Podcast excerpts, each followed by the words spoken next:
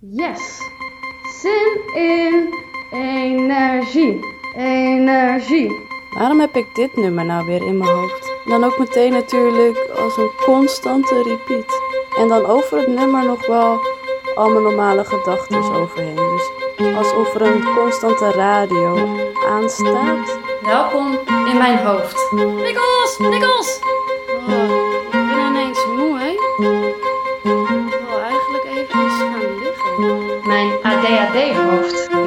Ook altijd een afsluiter nodig. Een afsluiter van de dag, zodat ik rustig kan gaan slapen. Een afsluiter van een activiteit, zodat ik naar de volgende kan. Een afsluiting van een gesprek. Als dingen door elkaar gaan lopen, dan op een gegeven moment gaat mijn hoofd echt op error. Welkom bij de podcast ADHD Dingen. Een podcast met persoonlijke en deskundige gesprekken over het leven met ADHD en alles wat daarbij komt kijken. Mijn naam is Nirma en sinds een jaar weet ik waarom mijn hoofd zo druk kan zijn. Ik heb toen de diagnose ADHD gekregen.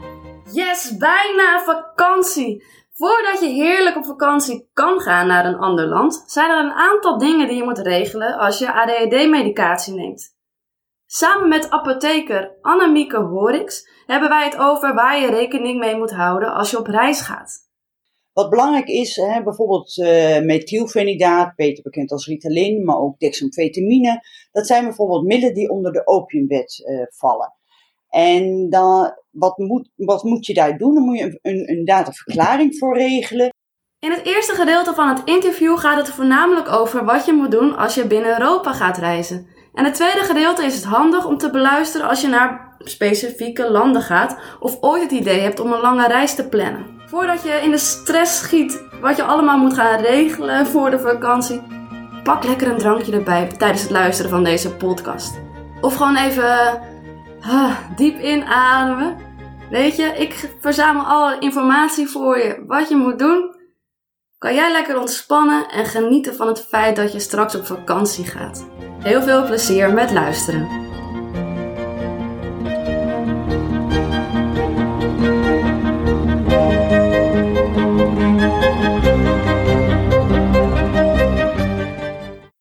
Voor de luisteraars kan je dan kort uh, over jezelf vertellen, even introduceren. Ja, ik ben uh, Annemieke Horix, ik ben uh, apotheker en ik werk bij de beroepsorganisatie van apothekers, dat is de KNP en op de afdeling Geneesmiddelinformatiecentrum. En op die afdeling verzamelen we eigenlijk en geven we ook uit alle informatie over geneesmiddelen ten behoeve van apothekers, maar ook ten behoeve van ja, gebruikers van medicijnen. Ja, en uh, daarom zitten we ook hier, juist omdat het alweer bijna zomervakantie is. En het is in ieder geval mijn eerste zomervakantie waar ook geen corona is en dat ik op vakantie ga. En um, nou ja, toen ik de diagnose kreeg en medicatie kreeg, was het al inderdaad van pas op als je ooit op reis gaat, dan moet je wel aan verklaringen denken. Um, dus zodoende uh, deze aflevering om te, nou ja, goed voorbereid te gaan uh, op reis. Dus dat is top. Um, met het, inderdaad het doel om een soort van tijdsplanning te gaan uh, maken, zodat we allemaal goed voorbereid op reis kunnen. Um, wat kan je me vertellen over nou alle voorwaarden? Ik zag iets van formulieren die je moet invullen. Um, kunnen we daarover beginnen? Ja, voor een aantal geneesmiddelen dat, uh, die onder de opiumwet vallen, en dat is eigenlijk wereldwijd zo afgesproken dat bepaalde middelen onder de opiumwet vallen, moet je een verklaring meenemen. Dus het is niet zo dat je voor elk geneesmiddel een verklaring moet meenemen. Wat belangrijk is, hè, bijvoorbeeld uh, methylfenidaat, beter bekend als Ritalin, maar ook dexamfetamine. Dat zijn bijvoorbeeld middelen die onder de opiumwet uh, vallen.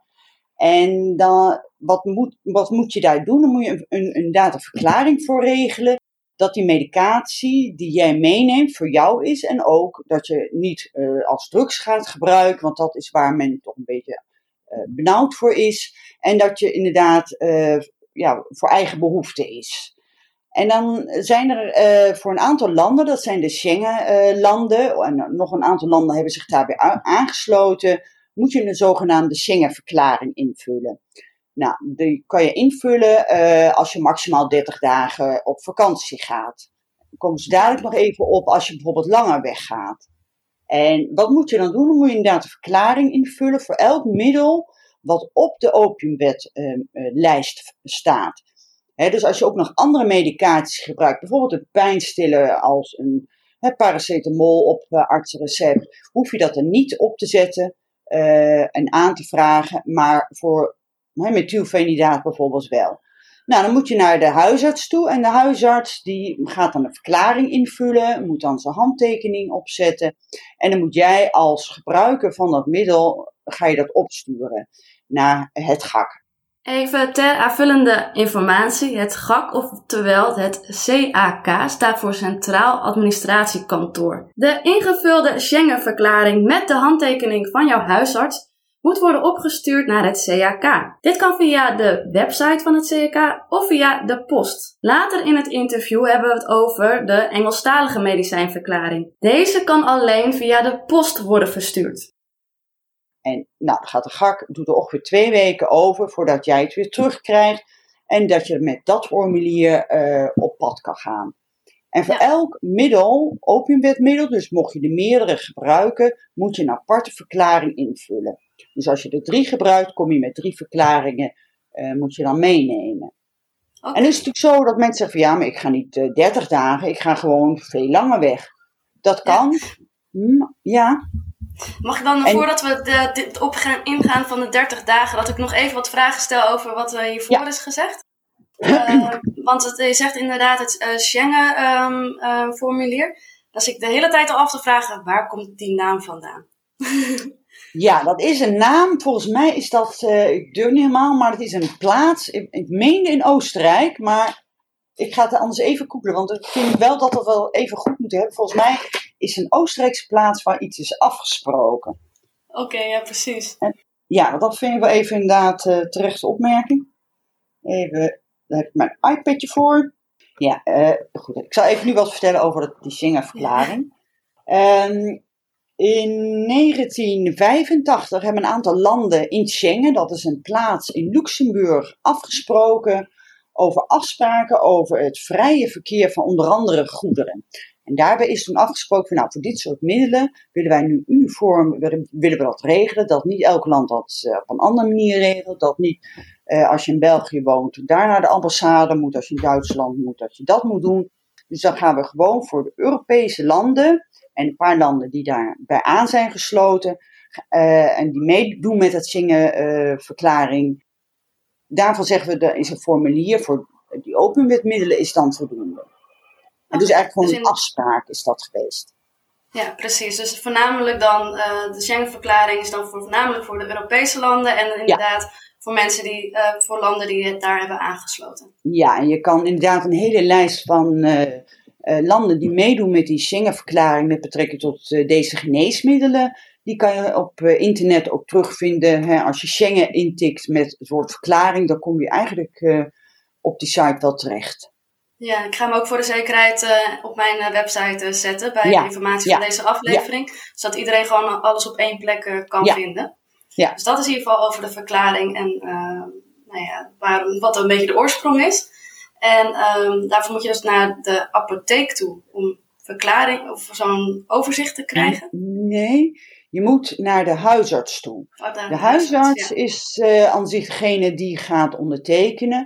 En wat wel makkelijk is om het proces een beetje makkelijk te maken, zou je wel aan de. Ik denk dat het sowieso handig is om, vooral als je meerdere medicijnen gebruikt, om een medicatieoverzicht op te vragen bij de apotheken waar je normaal zit. En dan kun je ook zeg maar, met die verklaring even naar de uh, huisarts toe. En dan kan je bij wijze van spreken aangeven, ik moet voor dit middel. De meeste huisartsen weten precies om welke middelen het gaat. Maar maak het even gemakkelijk voor hem of haar. Ik wil voor dit middel, wil ik graag een Schengen-verklaring. Vul alvast het formulier wat je ook kan uh, vinden hè, op uh, bepaalde websites. Die, vul gewoon alvast de alle basisgegevens in. En dan kan die huisarts na het verder invullen een handtekening zetten. Een stempel moet er geloof ik nog op. En dan kan jij zorgen dat het bij het GAK komt en die gaat dan de goedkeuring geven. Ja, precies. Um, en uh, in de voorbespreking hadden we het al een beetje over, over de tijdslijn en uh, hoe lang uh, dingen kunnen duren. En toen gaf je ook goed aan, misschien kan je me aanvullen als het zo is of niet zo is. Um, nou ja, dat ook vanwege corona en huisartsen gewoon vrij druk zijn op dit moment. En dat je misschien nou ja, daar ook rekening moet houden met qua tijd. Ja, er wordt eh, gezegd een Schengen-verklaring, als je die bij het GAK zeg maar, stuurt, dan duurt het twee weken. En natuurlijk, er zijn allemaal spoedgevallen, want je kan je ook voorstellen als je op zakenreis moet, of je moet plotseling voor een begrafenis, dan moet het natuurlijk wel sneller geregeld worden. Maar gebruik dat niet als uitgangspunt. hou gewoon, als je uh, het kan plannen, gewoon dat het twee weken duurt om uh, bij het GAK te regelen. Bij het CAK is dat trouwens niet. en dan ook nog de huisarts, die moet ook zeg maar uh, even tijd hebben om te tekenen. En overigens, als die huisarts bijvoorbeeld zelf op vakantie is, dan is er altijd wel een vervanger, die mag het ook doen. Okay. het is of de huisarts en als die weg is, dan doet de vervanger het. Okay. En hou daar gewoon ja, een, een week uh, bij en zorg in ieder geval dat je op tijd uh, dit regelt. Het is niet, lijkt mij vervelend als je echt op de laatste dag nog de postbode bij wijze van spreken aan moet. heb je het bij je, heb je het bij je. Ja, precies. En hebben we het nu over de Schengen-landen ehm, eigenlijk uh, gehad, dus voornamelijk ja. de Europese. Um, en over, dat is dan binnen ook 30 dagen. Wat um, is het dan na de 30 dagen? Ja, na de 30 dagen. Dan Regels moet, uh, veranderen. Dus ik geef even hierbij de juiste informatie wat je moet doen na 30 dagen. Na de 30 dagen heb je meerdere Schengen-formulieren nodig. Eén Schengen-formulier is namelijk 30 dagen geldig. Per 30 dagen, of bijna een maand dus, dien je een Schengen-formulier in te vullen. Dit geldt tot 90 dagen. Voor elk medicijn. Slik je dus twee medicijnen die in de opiumwet vallen en je gaat twee maanden reizen in Europa, heb je vier formulieren nodig. Ga je langer dan 90 dagen, bijna drie maanden, dan heb je een Engelstalige medicijnverklaring nodig. Annemieke legt je graag verder uit hoe deze verklaring werkt. Apostille-verklaring uh, uh, regelen. En eigenlijk, dat is eigenlijk een Engelse medicijnverklaring met een bepaald soort stempel. Dat heet dan een apostille-verklaring. En ook die moet de huisarts opstellen, of in ieder geval ondertekenen. Moet ook weer naar het CAK worden gestuurd. Ook daar twee weken nodig. Um, nou, er zijn mogelijkheden dat je bij wijze van spreken, als je in de buurt van Den Haag woont, kan je dat altijd nog proberen daar te plekken te regelen. Of in ieder geval kun je er even langs gaan. Um, want bij het CRK langs gaan? Ja, CRK in Den Haag. En dan moet je, en bij de op, op, op stille uh, verklaring heb je op een gegeven moment een stempel. En die stempel moet zo eigenlijk weer naar de rechtbank. Dus is een, een wat andere procedure, is een nog wat langere procedure. Maar hou daar inderdaad, ik zou daar gewoon nog wat meer, een weekje extra nog voor regelen. En, want dan moet je bij de rechtbank weer een verklaring ophalen. Kost ook nog even eh, enige uh, ja, euro's. En dat kan je dan ook weer persoonlijk ophalen of per post terugkrijgen. Maar dus die apostille verklaring is wel een iets ingewikkelde verklaring. Maar goed, als je zeg maar naar uh, buiten Europa wilt of je wilt langer, hou daar ook gewoon rekening mee dat dat ook nou, kleine, nou, daar zitten nog wat, wat kosten aan vast. Uh, die ook even bij je reisbudget dan moet meerekenen. Ja, want kan je een schatting geven hoeveel dat ongeveer extra kost dan? Nee, dat durf ik niet te zeggen, nee. Nee, nee ik, ik verwacht niet dat het uh, duizenden euro's, nee, ik verwacht niet. Ik, ik, denk dat het iets van 50 euro, ik schat dat zoiets in. Maar misschien dat ergens nog op de site okay. staat. Ja, precies. Dus inderdaad, die apostille um, verklaring is ook als je inderdaad buiten Europa of buiten die Schengenlanden ja, en daar zijn ook weer zeg maar, een aantal landen die daarbij uh, bij, bij aangesloten zitten. En er zijn natuurlijk altijd landen die daar weer uh, buiten vallen. Hè, dat is, uh, en bijvoorbeeld, dan zou je wel naar de ambassade inderdaad moeten. Ik zal even, wat ik nu even, ik, ik zit nu even na te denken. Volgens mij is de apostille, ik ga even kijken hoeveel landen dat überhaupt is.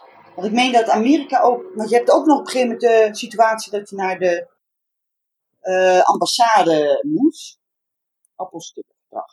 He, landen die met het apostilleverdrag meedoen, ook daar is een hele lijst van. Dat zijn wat meer landen dan uh, bij de, bij de Schengen-verklaring. En er zijn er ook nog landen um, die niet onder uh, deze regeling vallen. En ook niet onder Schengen. En daar zal je dan naar de ambassade moeten en daar je informatie moeten halen en moeten regelen. Oké.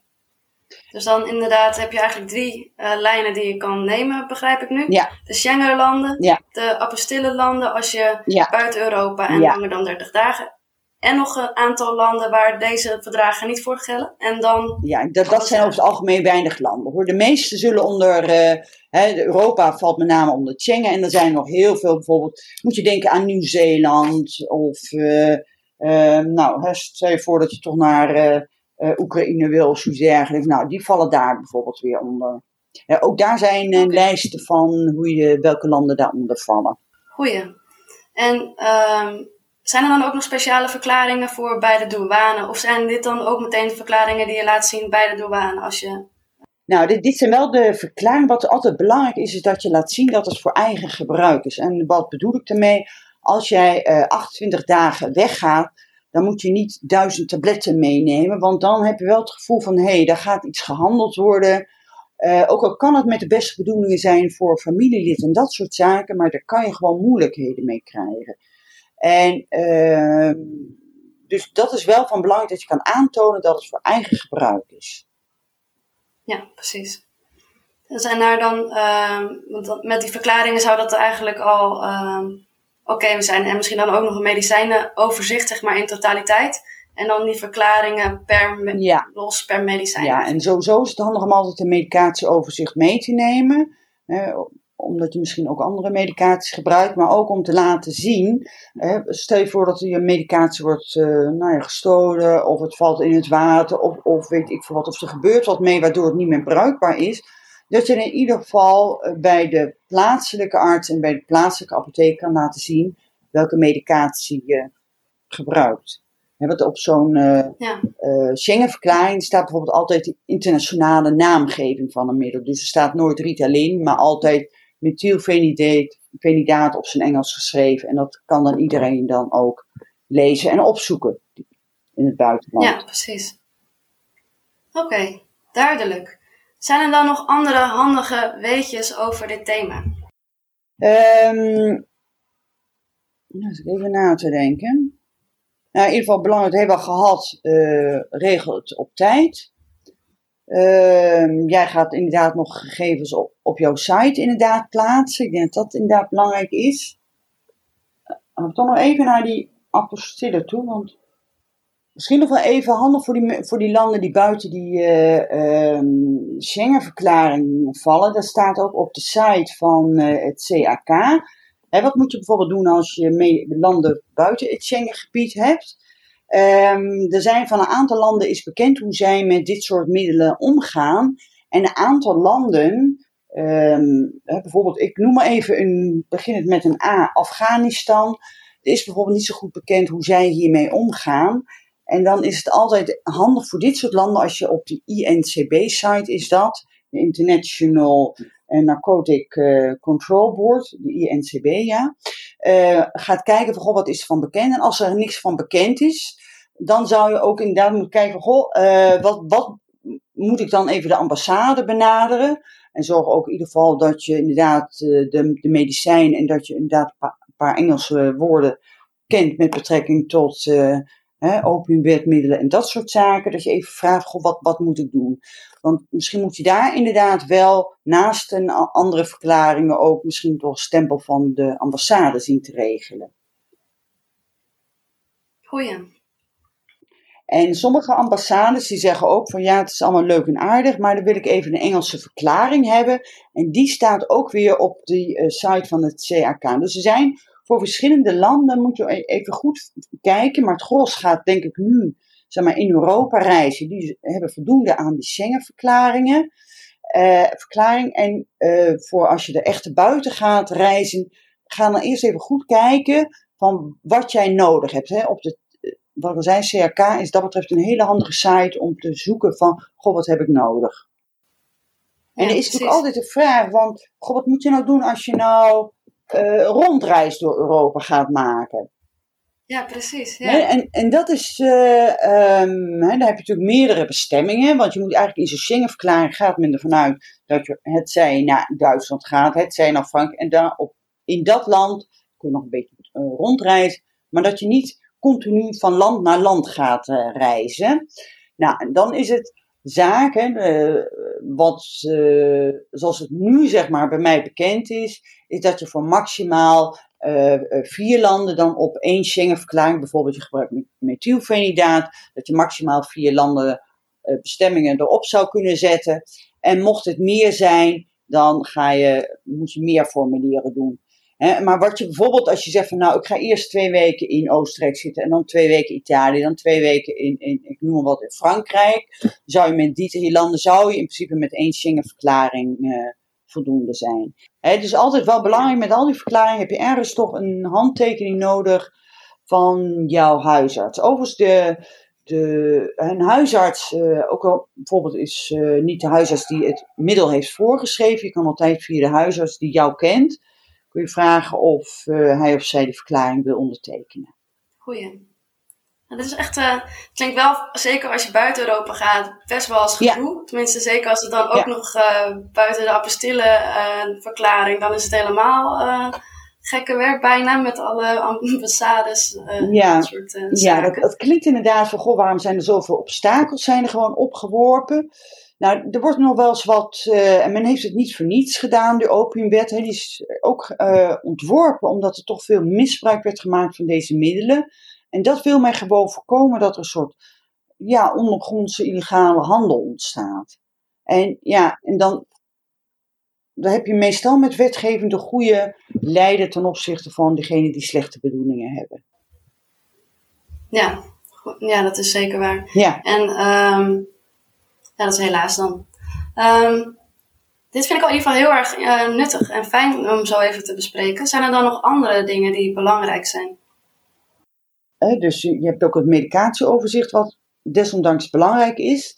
Overigens, bij mensen die uh, geen uh, opiumwetmiddelen gebruiken en bijvoorbeeld gewoon bloeddrukverlagers en weet ik veel wat, waarvoor je aan zich niet zo'n verklaring nodig hebt, ook daar raad ik aan om toch een me eh, medicatieoverzicht mee te nemen. En ook bij het medicatieoverzicht, hè, laat er dus nooit even een handtekening of een stempel van de apotheek opzetten, zodat in ieder geval het nou ja, wat officiëler ook uit. En dan, kan, en dan kan je ook laten zien dat het voor, voor jouw eigen gebruik is. En dat is denk ik heel belangrijk om te laten zien dat het voor, voor jouzelf is. Dat er geen handel ja. is. Ja, ik zit nu meteen ook nog na te denken. Uh, stel dat je een wereldreis gaat maken. Nou, dat is inderdaad. En die duurt uh, langer dan drie maanden. Ja, dan, is het, uh, dan betekent officieel dat je dan voor elk. Uh, maar dan ga je waarschijnlijk ook niet, stel je voor je gaat een jaar op reis ik denk niet dat je voor een jaar, hè, nou we zeggen, dexamfetamine gaat meenemen. Ik denk dat dat wel lastig wordt als je gaat starten, want dan denk je, ja, dat is zoveel, uh, daar doen we niet aan. Dan kan ik me voorstellen dat dat wel een probleem is. Dus dan zou je al van tevoren moeten kijken van welke landen ga je bezoeken. Dus je moet, je moet wat meer inplannen. Plannen. Uh, de spontaniteit kan wel een beetje, zeg maar, onderdrukt worden. En je zou misschien nog van tevoren moeten kijken, goh, kan ik in bepaalde landen ook dat middel ook krijgen? En, en dat is natuurlijk best lastig. Is dat mogelijk? Uh, want wij weten, uh, hè, we, ik weet heel goed, we kunnen opzoeken wat er in Frankrijk is, wat er in Duitsland is, wat er in Amerika is. Daar zijn allemaal websites van, uh, handboeken en weet ik veel wat. Maar of iets in China of Japan beschikbaar is, ik zou het niet weten. Ik ga ervan uit dat er wel iets dergelijks is, maar of het nou helemaal hetzelfde is, ik durf dat, dat kunnen wij vanuit hier heel moeilijk zeggen. Wat ik dan ook altijd aanraad, misschien moet je dan toch even ook weer contact opnemen met de ambassade van dat betreffende land. Want wie weet hebben zij daar iemand zitten die uh, wel eens van uh, medicatie weet, of misschien hebben ze daar een medicijnboek staan, of gaan, kunnen ze voor jou even in China bijvoorbeeld navraag doen. Dus ik denk dat dat wel belangrijk is, dat je dat van tevoren even probeert kijken van waar is wat uh, beschikbaar. En dat je niet daar te plekken denkt van goh, ik heb nog maar voor een paar dagen en ik kan er niet aankomen. Nee, precies. En um, ik kan me voorstellen dat je eigenlijk dan ook een doktersrecept nodig hebt om ja. uh, daar ja. te plekken natuurlijk. En dat is ook een hele lastige, dat vind ik ook een hele goede vraag die je stelt. Want als bijvoorbeeld een doktersrecept, zeg maar, vanuit, ik noem maar wat, Polen naar Nederland komt, Ehm, de apotheken hier in Nederland, en dat geldt eigenlijk ook vice versa voor andersom, bijvoorbeeld een Nederlands recept naar Polen toe, moet controleren of een geneesmiddel, wat normaal alleen op recept gaat, ook echt uitgeschreven is door een arts. Nou, we kunnen in Nederland kunnen we het makkelijk doen. Hè? Elke arts heeft een nummer. Kunnen we, hè, wij spreken, je kent die arts, die god, dat is voor een raar papiertje. Kun je dat controleren? En dat is natuurlijk met buitenlandse artsen, kan je dat niet. Dus dan moet je op basis van vertrouwen gaan. En vooral als het, soms zijn het toch wel vreemde recepten. Hè? Stel je voor, ik krijg als Nederlandse apotheker een recept van methylfenidaat, uh, 500 stuks. Ga ik niet afleveren. Want dan denk ik, hé, hey, daar gaat iets uh, vreemds gebeuren. En ook dat je weet dat het voor die persoon is. En niet voor een oom of neef in dat andere land. Hè? En, en het kan best zijn dat toch een, uh, een apotheker zegt, in Nederland gebeurt dat wel. Ga toch maar even naar de uh, huisarts om te kijken en, uh, of dat, om, om het te laten omzetten. En veelal gebeurt dat ook als de medicijnen die in het buitenland zijn voorgeschreven, niet in Nederland in exact hetzelfde ja, naamgeving beschikbaar zijn. Dus daar hebben we wel een broertje of zusje van op de markt. Dan hè, zal de apotheker aan de huisarts adviseren van joh, dit is hetgene wat er dichtstbij komt. En dat betekent wel dat je iemand weer opnieuw moet worden ingesteld. En daarom is het altijd belangrijk om toch te kijken of een bepaald middel in het buitenland beschikbaar is. En want het is heel erg vervelend als je op een bepaald middel staat, dat je, hè, bijvoorbeeld dexamfetamine zou niet beschikbaar zijn en methylfenidaat wel. Ja, het lijkt wel een beetje op elkaar, maar het is allemaal net niet hetzelfde. Dus dat betekent wel dat je dan zou moeten overstappen. En ja, het is de vraag of je dat, uh, of, ja, of, of dat zo wenselijk is. En daarom is dat van belang van tevoren dan goed onderzoek te doen. En dit, dit verhaal hè, van uh, mensen die langdurig weggaan en bepaalde medicijnen gebruiken, dat geldt natuurlijk ook voor middelen die buiten de opiumwetmiddelen vallen. Bijvoorbeeld, en wat ik zei, bloeddrukverlagers of cholesterolverlagers. Dat je ook gaat kijken of die in andere landen beschikbaar zijn. Nee, dus even uh, concreet. Stel dat ik uh, naar uh, oost van, het, van de wereld ga. Ja. Lekker daar ga reizen voor meer dan drie maanden. Dan is het voor mij handig om van tevoren bij de desbetreffende landen waar ik naartoe ga, uh, een soort van te informeren middels de ambassade of uh, ja. gewoon uh, onderzoek. Ja. Welke, via de ambassade dus ja. inderdaad, welk medicijn op mijn medicijn lijkt. Dat eigenlijk misschien al met mijn, mijn huisarts te bespreken van misschien daar al een recept voor meenemen, zeg maar. Stel dat ik langer blijf dat ik daar dan alsnog bij de lokale apotheek daar naartoe kan.